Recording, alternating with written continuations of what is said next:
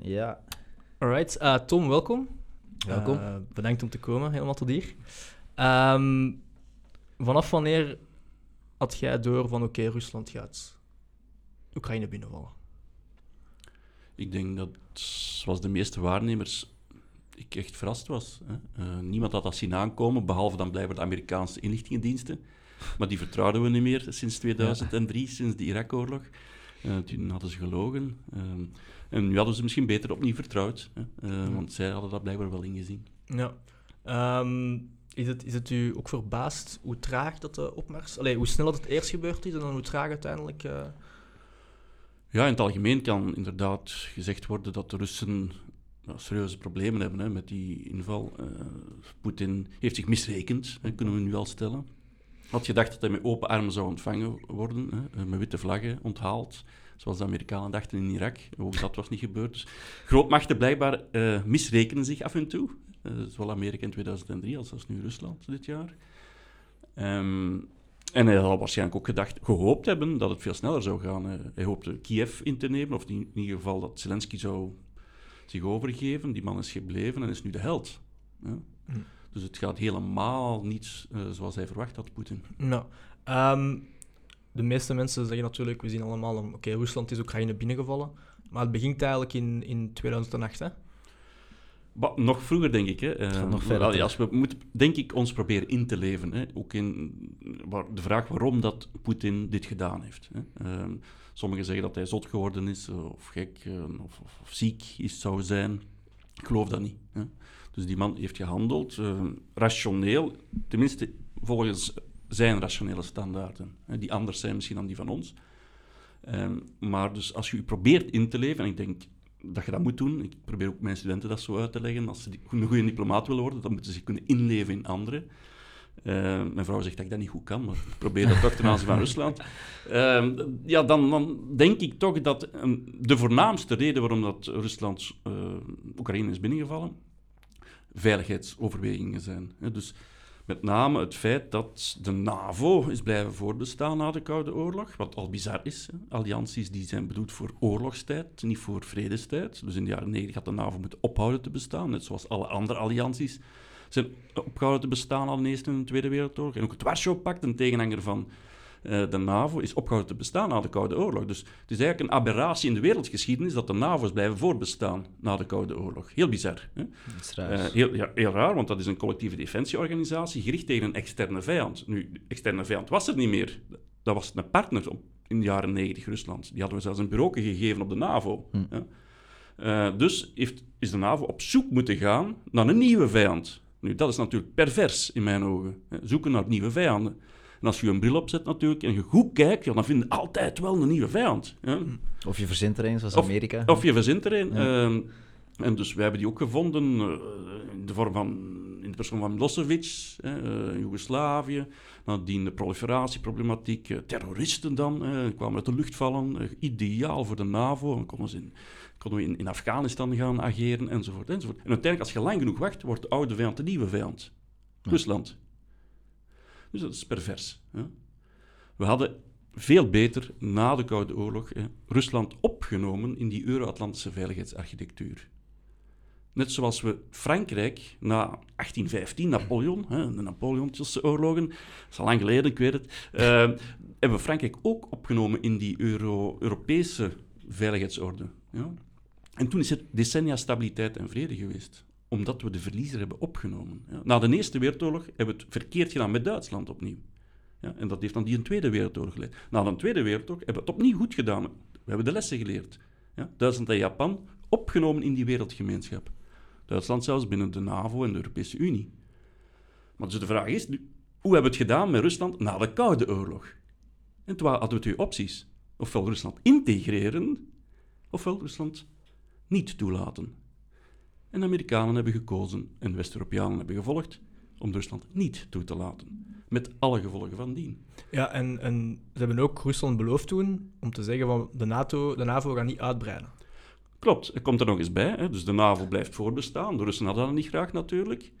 Um, en dan hebben wij in 1990, februari was het, uh, de muur was net gevallen. En het ging om die Duitse hereniging. Dat was een moeilijk te verkoppen zaak, want Duitsland zou de grootste staat in Europa worden. Ja? Dus Frankrijk was daartegen, Engeland was daartegen en ook Rusland. Ja.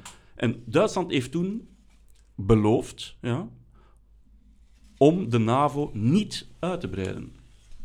In de hoop dat Rusland akkoord zou gaan, Sovjet-Unie, ja, uh, met die Duitse hereniging. En dus op basis van die mondelinge beloftes, het zijn mondelinge beloftes geweest, hè, door de West-Duitse minister van Buitenlandse Zaken, Genscher, de Amerikaanse minister van Buitenlandse Zaken, Jim Baker. Op basis van die mondelinge beloftes heeft Gorbachev het groen licht gegeven voor die Duitse hereniging. Wij herenigen Duitsland en wat doen we met onze beloftes? De boom in. Ja? En dus de Russen natuurlijk in het harnas gejaagd. Uh, probeer je in te leven, hoe zou het zelf zijn? Hè? Niet, niet goed gezind, hè? kwaad. En dan moet het beste natuurlijk nog komen, hè? die NAVO-uitbreidingen. Niet één keer, maar twee keer, drie keer. Ja? En Rusland zag dat met leden ogen aan, heeft daar altijd problemen van gemaakt. Je creëert een vijand? Je creëert een vijand. Uh, en vooral, allee, voor mij mochten die Oost-Europese, Centraal-Europese landen bij de Europese Unie en de NAVO aansluiten. Want ik begrijp dat die dat graag hadden. Hè? Uh, de NAVO voor de veiligheid en de Europese Unie voor geld. Maar mijn positie is, dan hadden we ook Rusland moeten opnemen. Ja? Want nu hebben we gewoon het probleem verlegd. En waar Rusland toetreden? Of? En inderdaad, ja. ja. En dat is ook iets onbekend, maar dus uh, zowel Gorbachev als Yeltsin als Poetin nu, valt er, nu valt er van uw stoel. Maar dus de anti-westers geboren KGB'er Poetin heeft in 2001 stilletjes hier gevraagd in Brussel: mogen wij lid worden van de NAVO? Wat is er toen gebeurd? Drie keer was het antwoord: niet. Zoals Turkije eigenlijk. Niet. Bij die bij Europa wil komen. Uh, Turkije is lid van de NAVO, maar, maar niet bij de Europese Unie, inderdaad. Hetzelfde. Ja. ja. maar Turkije, we hebben gezegd eigenlijk, ja, in principe mogen de lid worden van de Europese Unie, alleen gaat dat niet vooruit, dat, ja. dat, dat, proces. Maar bij de, bij de Russen hebben wij gewoon nee gezegd. Ja? En dus voelden die, voelde die zich uitgesloten, vernederd. En ja, dan moest het best nog komen. Hè? Uh, Oekraïne. voor, voor Rusland is Oekraïne een gigantisch belangrijk land. Rusland is de afgelopen 200 jaar twee keer aangevallen door het Westen. Ik heb al gesproken van Napoleon. Die heeft aan de poort van Moskou gestaan. Trippel-trippel door de weiden van Oekraïne. En 100 jaar later Hitler opnieuw. Ja? En in de Tweede Wereldoorlog zijn er 20 miljoen Russen, Sovjets, burgers, militairen, gedood. 20 van de 50, van de 60. Dus gigantisch veel. Gigantisch veel. En dat is nog altijd een trauma in Rusland. Het is niet zo dat de Russen hier bij ons hebben gestaan. Ja? Dus je moet goed begrijpen dat voor Rusland, na de Koude Oorlog, Oekraïne een soort bufferstaat was. Of is nog altijd. Hè. Ehm, belangrijk voor de veiligheid van Rusland.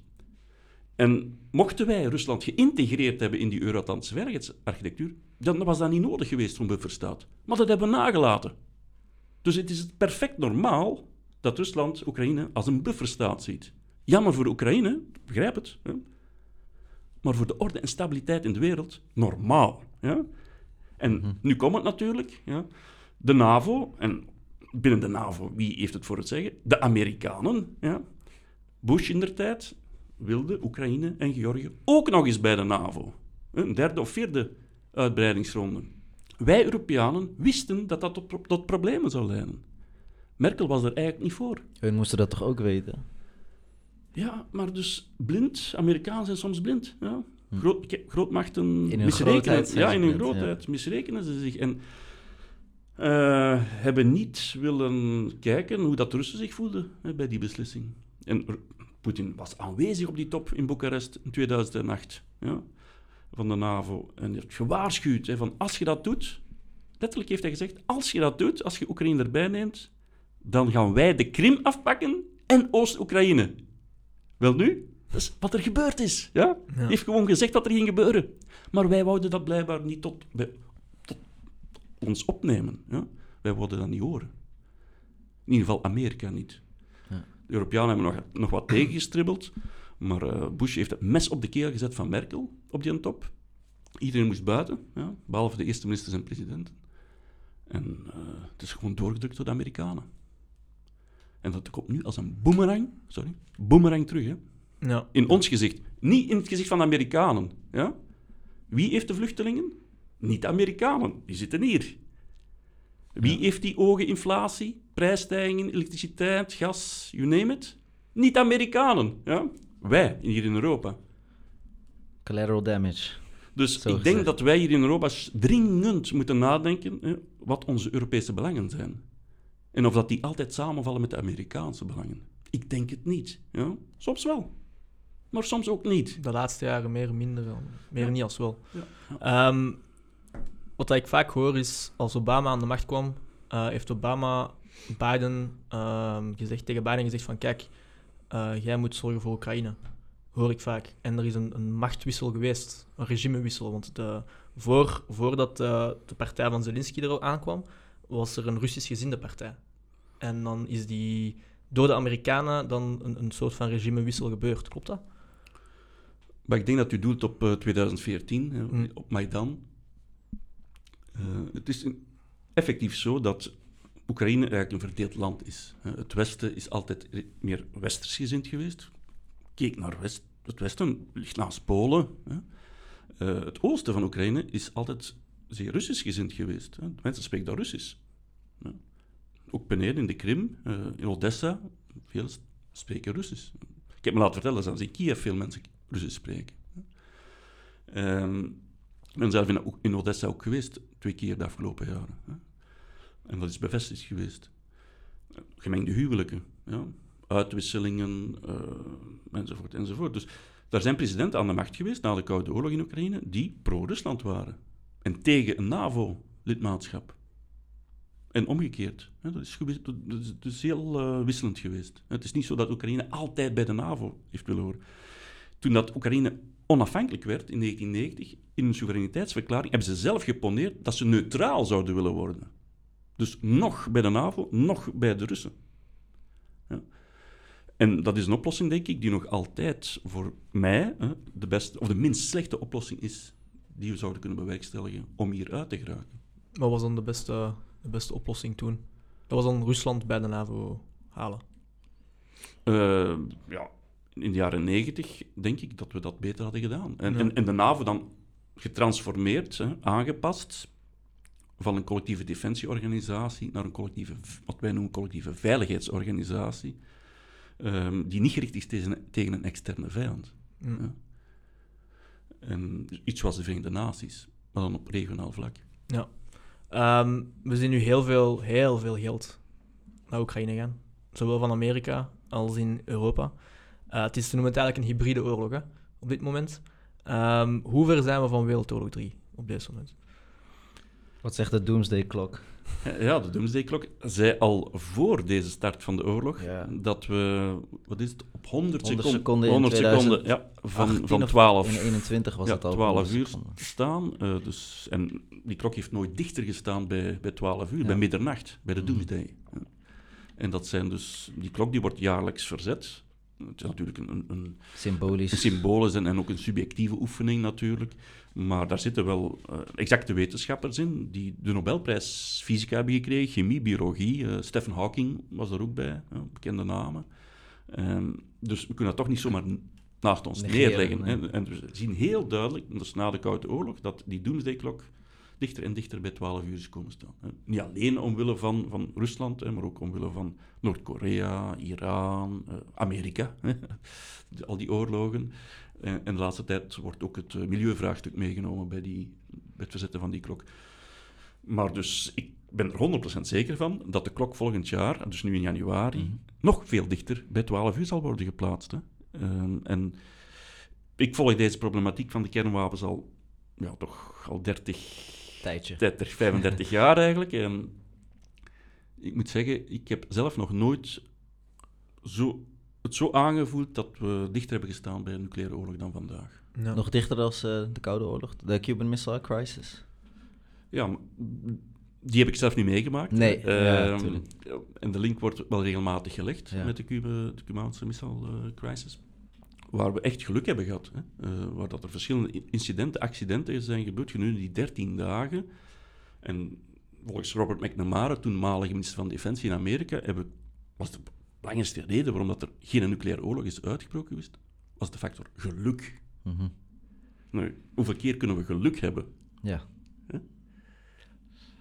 Dat is Om- de vraag. Ja, over de Cuban Missile Crisis. Ehm, wat ik heb horen opvangen is dat bijvoorbeeld Eisenhower wou, ehm, zijn eigen piloten neerschieten in Cuba om, eh, om een oorlog om, om Cuba te kunnen binnenvallen.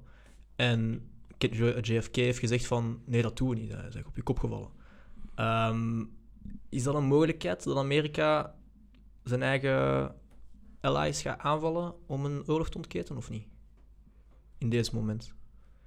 Eh, welke bijvoorbeeld, bijvoorbeeld dat, dat, dat, dat ze Oekraïne gaan aanvallen met een Amerikaanse eh, raket en dat ze het op Rusland steken, bijvoorbeeld. Zoals de Nord Stream, Ah, dat we altijd flag. niet weten, eh, ja, dat we altijd niet weten wat het gedaan heeft. zou mij verbazen moest dat Rusland geweest zijn. ja. Maar Ja, we mogen natuurlijk moeten oppassen dat we niet in complottheorieën vervallen. ja, ja, zo, Ehm, dus ik ga er toch maar vooruit, vanuit dat, dat Rusland het gedaan heeft daar in de Oostzee met die gaspijpleiding. Het kan verkeerd zijn. Ehm, Mhm.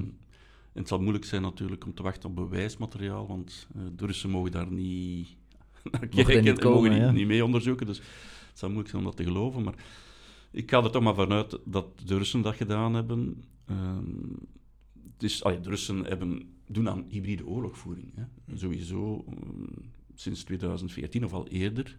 Eigenlijk is, is Poetin volgens mij rond 2003 van kant gewisseld. Eh, toen heeft hij het opgegeven. Eh, voordien heeft hij echt wel willen samenwerken. Ik heb het u uitgelegd. Hè. Mhm. Ehm, maar ik denk dat we rond de periode 2003, kan er een jaar naast zitten, eh, echt heeft opgegeven. En in 2007 heeft hij een speech gegeven in München op de veiligheidsconferentie, jaarlijkse veiligheidsconferentie, waar Merkel, die zat er vooraan, lijkbleek wegtrok. Eh, die was er echt niet goed. dus eh, Poetin ja, eh, was niet goed gezind. Hè. Al die argumenten die ik al heb aangehaald, heeft hij dan ook nog eens naar voren gehaald over de NAVO-uitbreiding enzovoort. En enkele maanden nadien de cyber, eerste cyberaanval door Rusland hè, tegen Estland. Ja. En in 2008, enkele maanden na die fameuze top in Boekarest, eh, de oorlog in Georgië. En nog gingen onze ogen niet open.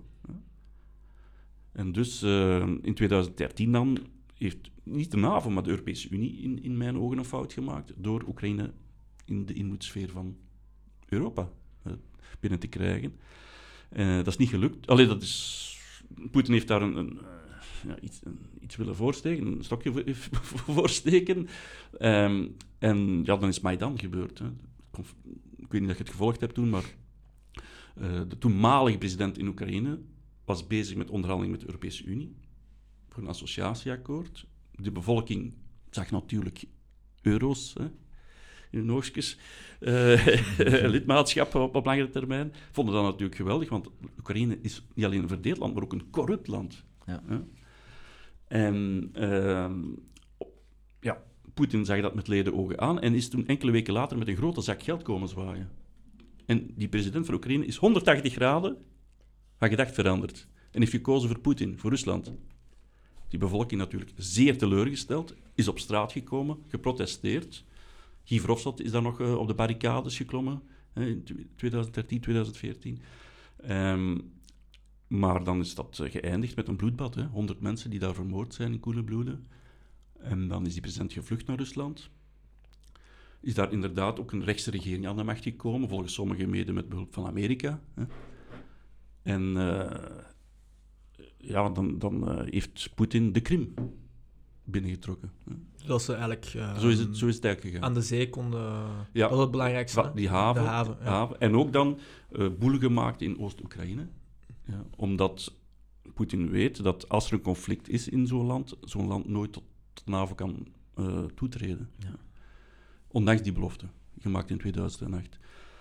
En het is waarschijnlijk in 2020, 2021, dat hij zag dat de Oost-Oekraïne misschien zou moeten afgeven, hè, omdat de NAVO aan het pushen was, de Amerikanen waren de Oekraïners aan het helpen, ehm, meer en meer ook met militair materiaal.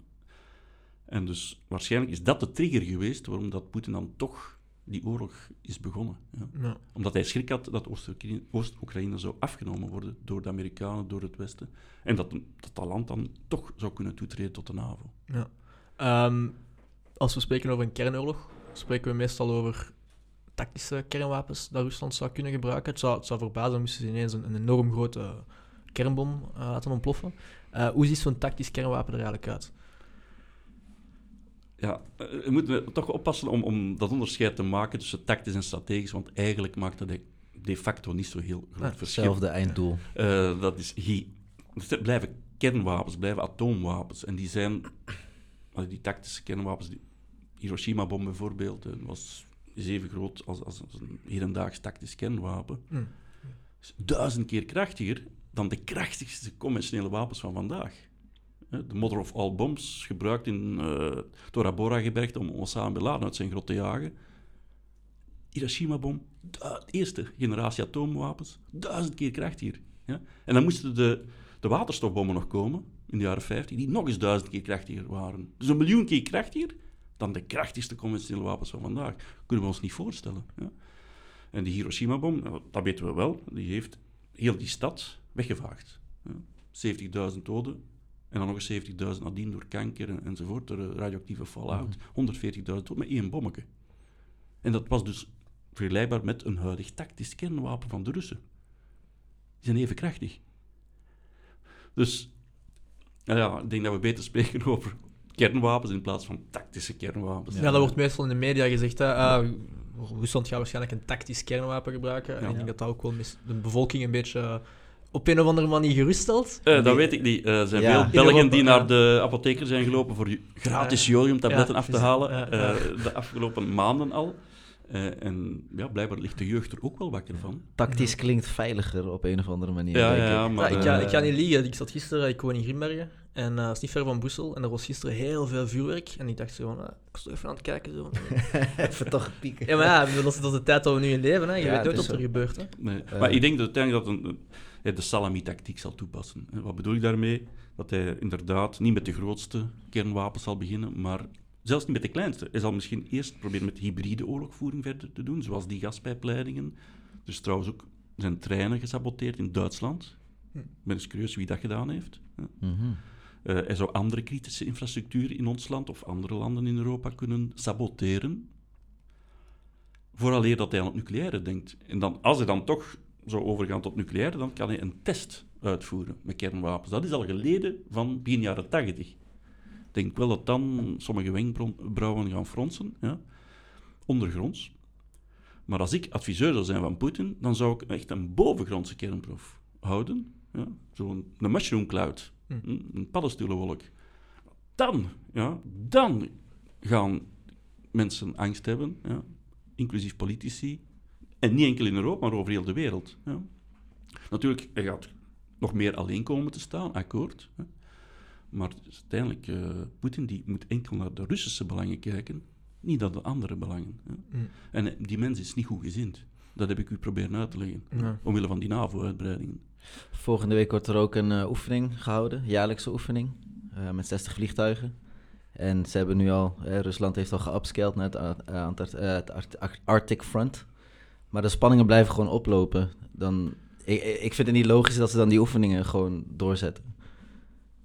Nee, um, iets gelijkaardigs gebeurd tijdens de Cubaanse missile ja, crisis. precies. toen hadden ze ook een test gepland met een ICBM, een intercontinentale ballistische raket, op het land gestationeerd. Zodat, dat wordt regelmatig gepland. Um, maar dus diegenen die dat moesten uitvoeren, hadden blijkbaar vergeten dat er een, een bijna oorlog bezig was. Hè. En toch hebben ze die uitgevoerd, die test. Heel bureaucratisch, hè. jaren of maanden al gepland.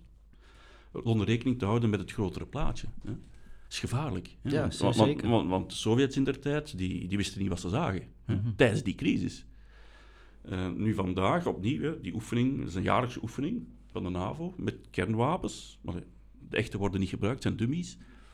Uh, maar dus ja, F-16-piloten, ook Belgische, die trainen samen met Nederlandse, Duitse, Italiaanse piloten hier uh, in Kleine Brogel deze week uh, op het afvuren van kernwapens. Daar liggen er ook een stuk of twintig, schatten ze. Dat is geheim, dat mogen we ja, niet weten. Kan kan ah, ik had altijd verstaan eentje. Nee, nee, nee. nee, nee, Het zijn er ja. 10, 15 waarschijnlijk, of mogelijk zelfs 20. Ja, allemaal uh, schattingen. Uh, we weten het niet, maar dus, ja, dat is ook iets speciaals, vind ik. en ook niet democratisch, hè, dat wij als bevolking, Belgische bevolking, niet mogen weten of dat er massa van wapens liggen op ons territorium ja, want uh, Amerika heeft er nu weer terug opengetrokken. Want onder Trump heeft hij drie jaar uh, secret gehouden. eh, hoeveel wapen, nucleaire wapens ze hebben, zeg maar. En dat zijn ze nu aan het omschakelen terug.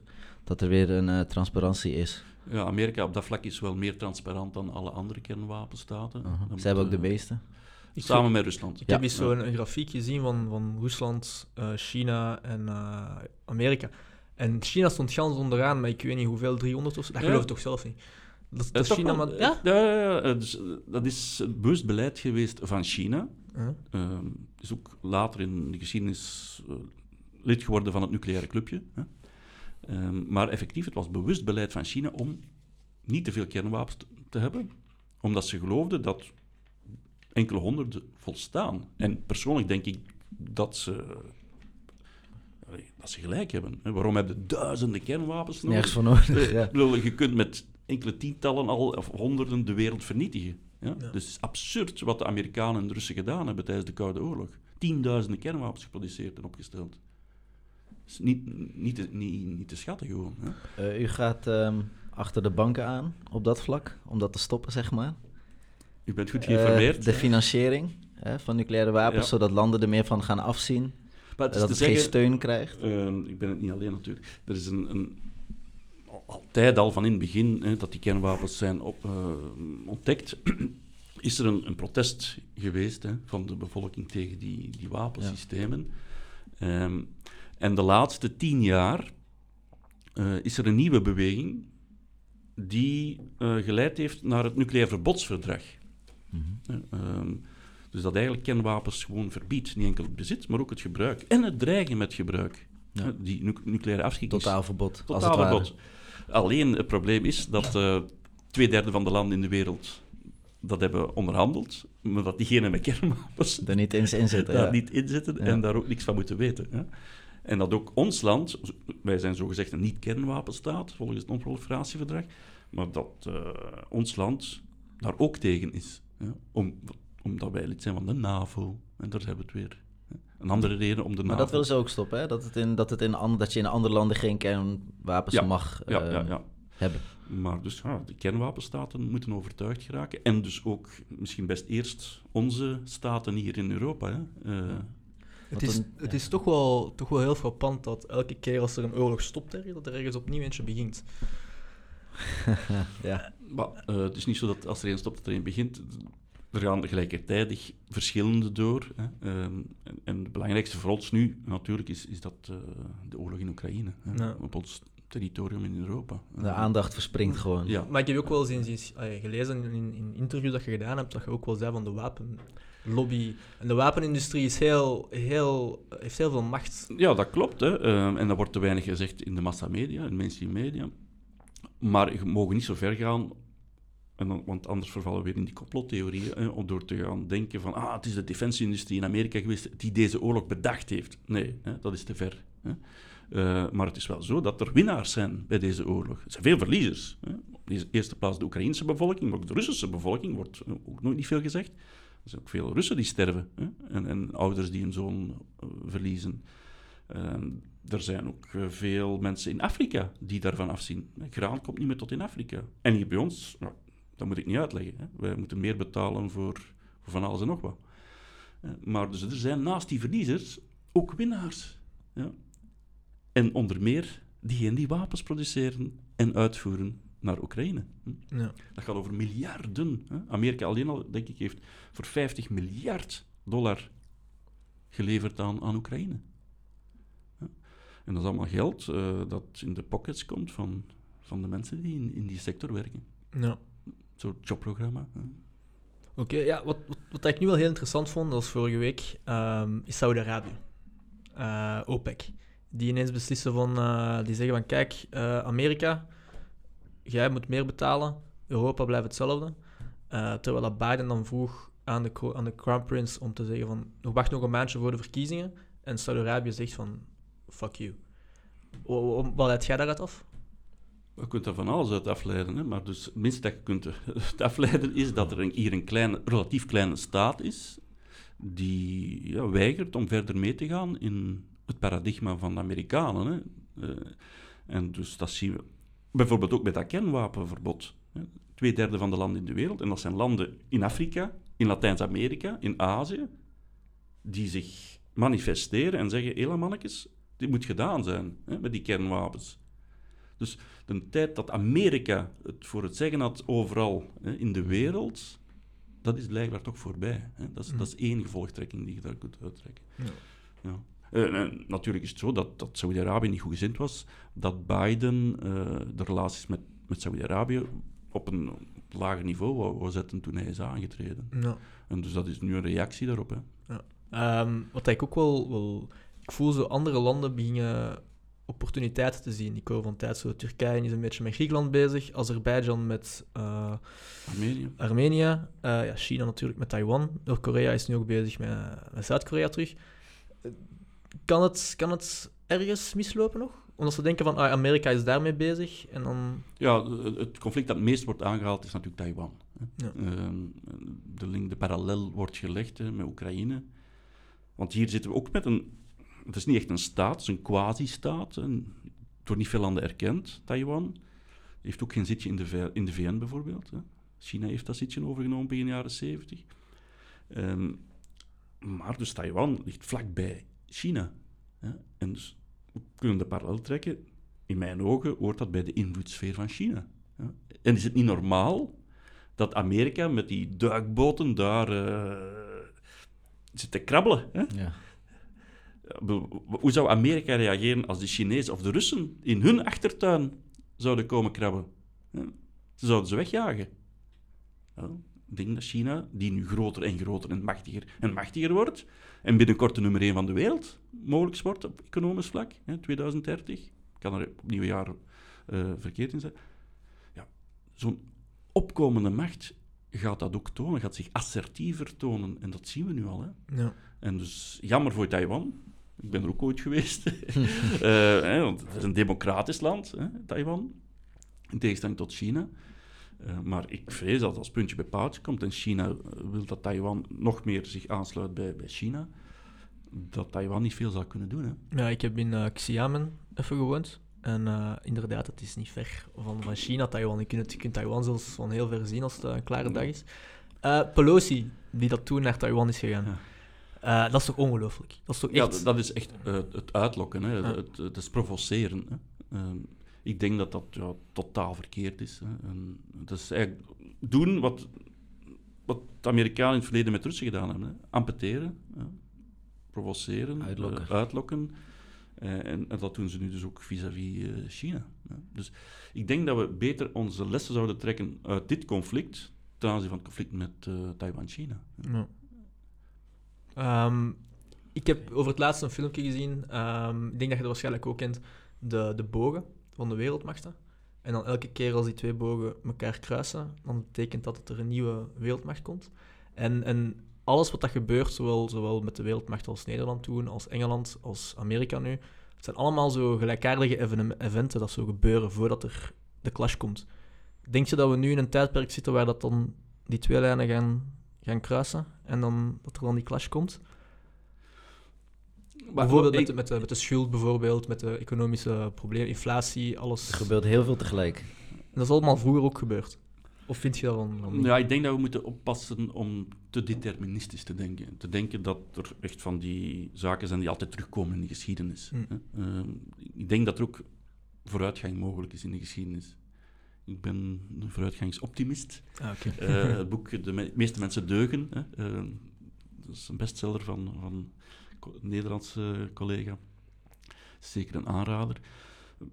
Ik kan dat staven. Hè. Er zijn de laatste jaren honderden miljoenen mensen uit armoede gehaald. Bijvoorbeeld in China en India. Hè.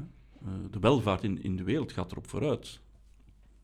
Geweldig op vooruit. Hè. Als je dat vergelijkt met vroeger. Dus de meeste mensen hebben het gemiddeld beter ja, dan vroeger. Ik zeg niet dat er geen ongelijkheid is. Eh, en er zijn er natuurlijk in Zwart-Afrika waar dat het niet goed vooruit gaat. Maar als je de hele wereld bekijkt, dan gaat die erop vooruit. Eh nadeel is natuurlijk dat het op vlak van klimaat eh, negatieve gevolgen heeft. Hè. Het, is, het, is, het is- een complexe zaak.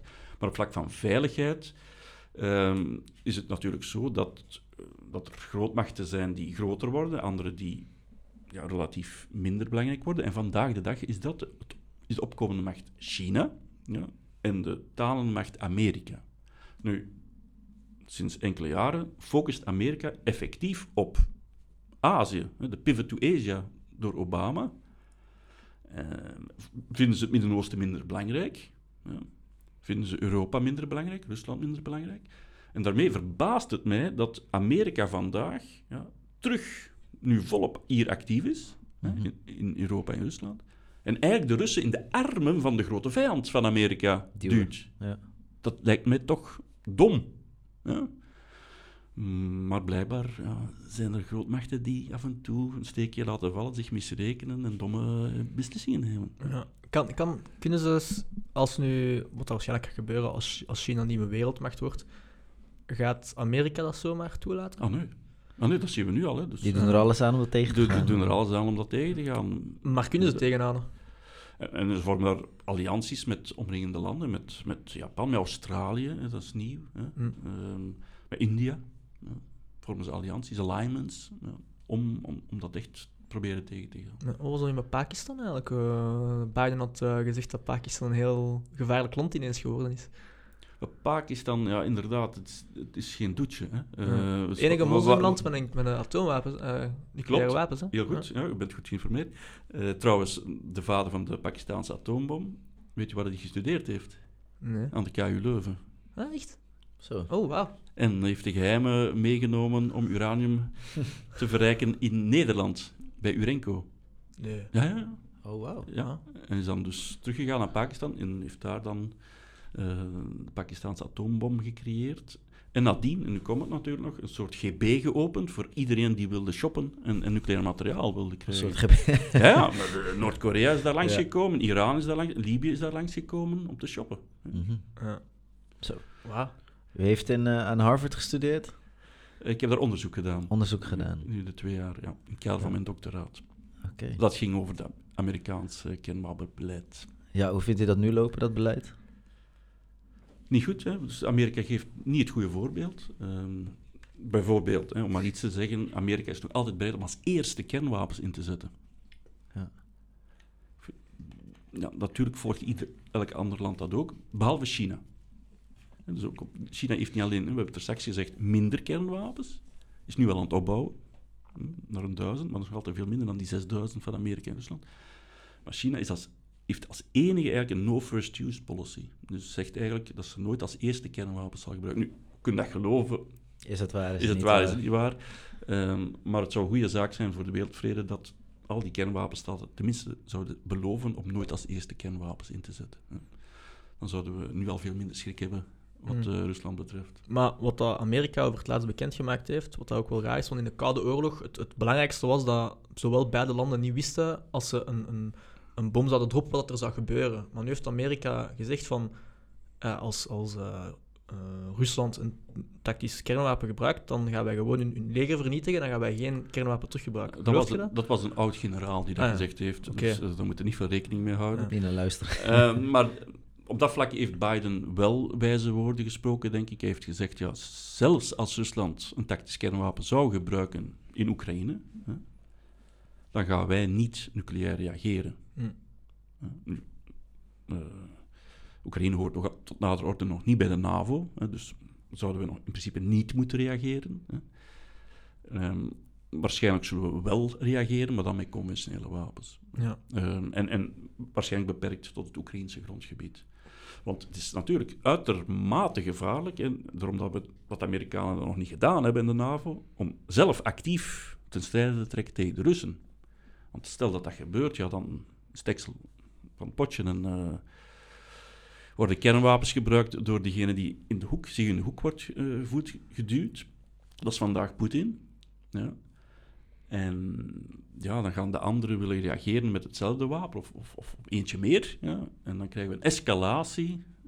En zitten we, voordat we het weten, met een wereldwijde nucleaire oorlog. Dus ja, want wat gaat er nu gebeuren als bijvoorbeeld Oekraïne erin slaagt van al die veroverde gebieden van Rusland te heroveren en ze staan aan de grens met dat Rusland? zou zeer, zeer nefast zijn voor de, voor, eh, voor de situatie en de wereldvrede. Ja. Eh, ik bedoel, ik, ik begrijp dat, dat dat het beste is voor Oekraïne natuurlijk en dat het ook het meest faire is. Ik begrijp dat. Hè.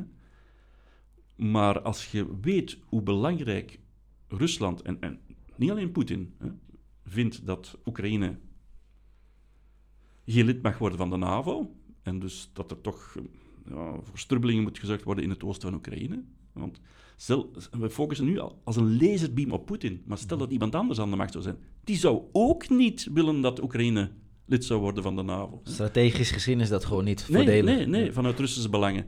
Eh, Navalny, ja, de, groot, de man in, in de gevangenis, die wil ook dat de Krim bij Rusland blijft. Ja?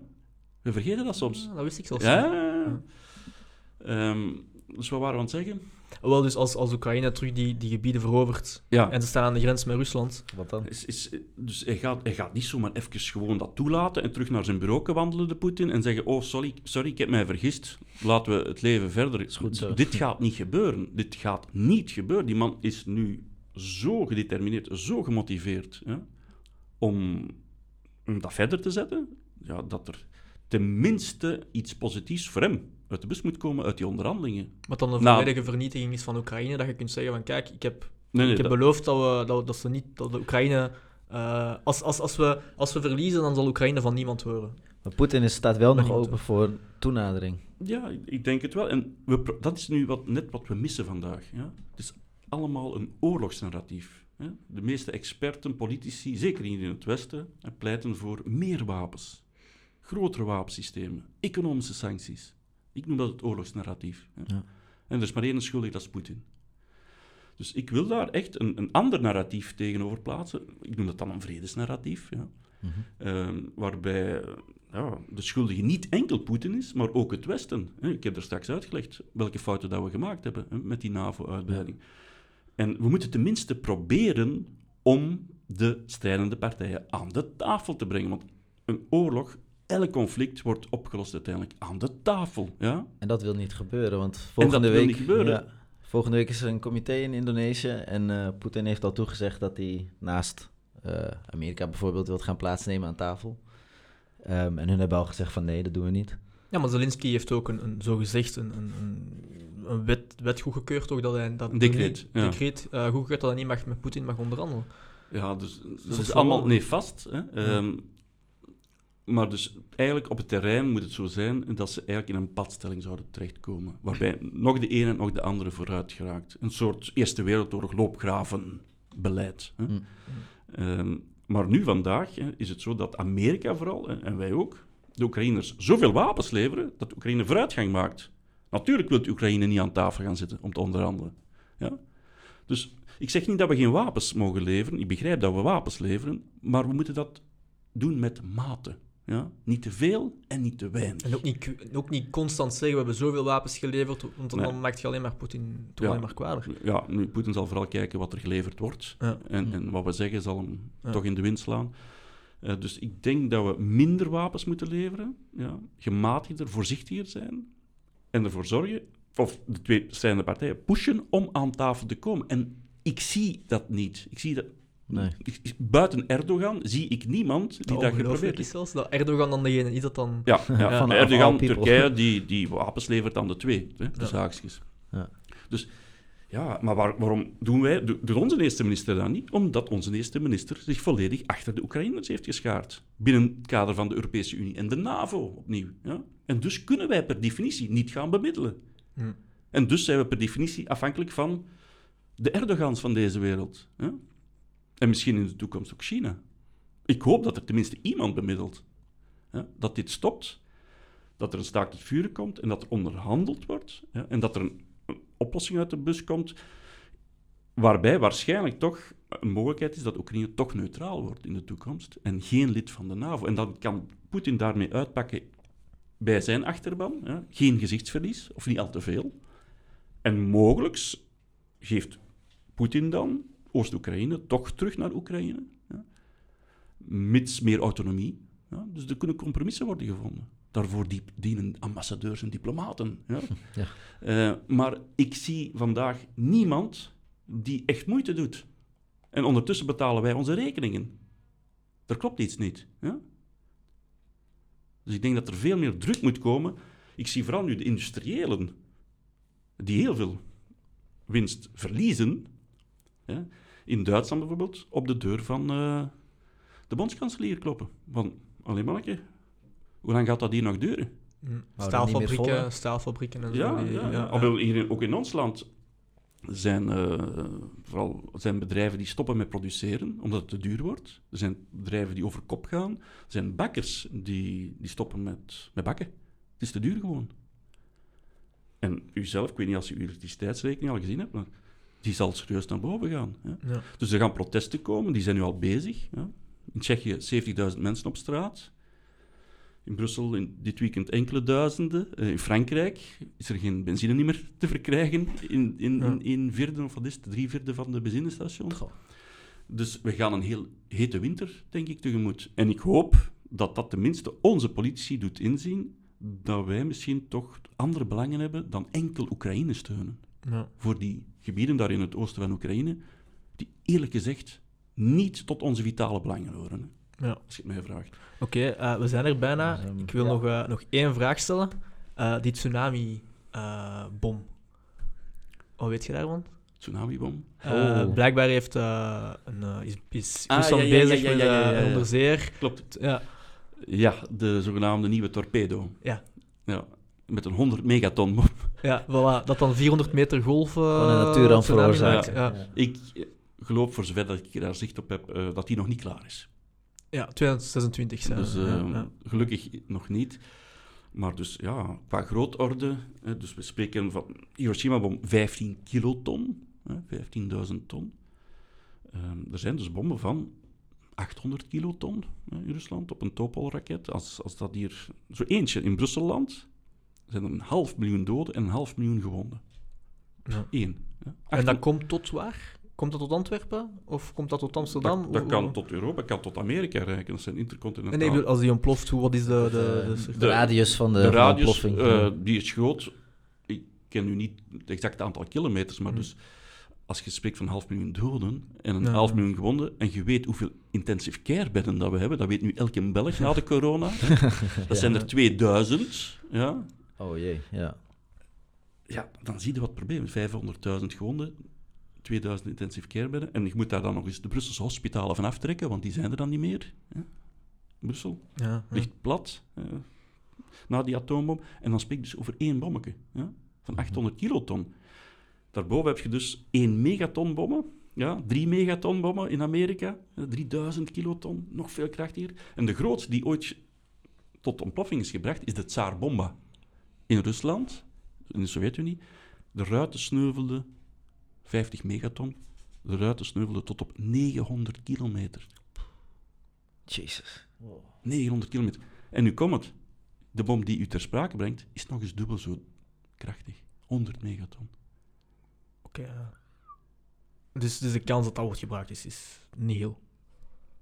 Eh, de kans dat die gebruikt wordt, is niet heel. Jammer genoeg, hè? Want als je die... Als je, Al die bommen, als ze bestaan, kunnen gebruikt worden. ja. Maar als je die gebruikt om dan, dan in, in, in, in de zee te laten ontploffen, dan is, het, dan is, dan is alles eh, Ja, dan, volledig... dan- maar niet alles, maar eh, dan heb Ja. je wel een deuk daar in de kustlijn van Amerika, vrees ik. Ja. Ja, ja, maar ik bedoel de, de, de, de, aftermath eigenlijk, van, van als het ontploft, al die nucleaire deeltjes komen in het water terecht, in de vissen, Ja, in de ja, voeding en, en Ja, alles gewoon is... we zien nu nog de gevolgen daarvan. Dat was een Van last resort bom, eh, denk ik. eh. Ja, maar dus nogmaals, eh, er zijn er heel veel die er nu al bestaan, nu opgesteld staan, die klaarstaan om gebruikt te worden. 24 uur per dag zitten die militairen klaar, zeven dagen in de week, om de orders van de president uit te voeren, zowel in Amerika als in Rusland. Het gaat over de strategische kernwapens. Ja. Opgesteld op ICBM's, op het land gestationeerde intercontinentale raketten, op onderzeeërs en op bommenwerpers. Ik denk dat eh, we aan het slaapwandelen zijn naar een mogelijke catastrofe. Ja. Oké, top. Dat, normaal zeg ik altijd dat was een, een goede afsluiter, maar dit was misschien niet het juiste Een moment om wat te afsluiter. Een akelige afsluiter. Eh, Tom, eh, ik zou je bedanken om, eh, om langs te komen. Dank je voor uw tijd. Ik vond het heel interessant. Graag gedaan, Ja, goede heel vragen. interessant. En, Oh, dank u. Ja, hopelijk misschien nog eens tot snel. eh, nog eens kunnen doen misschien. Ja, want Ja. al- als dat niet is, dan is het misschien een slecht teken. Ja, ik, Oei. ik, had, ik, had, ik had liever nog drie uur gebabbeld. eh, maar ja, Ja, mijn camera's kunnen niet langer aan. Ga het dus, nog eens eh, doen. eh, veel succes nog. Ja, En, eh, jullie ook. ja, fijne de avond. Podcast. Dankjewel, merci. Ja. Tot de volgende. Peace. Ciao. Eerlijk gezegd een van de betere dat we al gedaan hebben. Ja, Ja. ja, vind ik wel. Ja, ja, ja. Is het goed in één.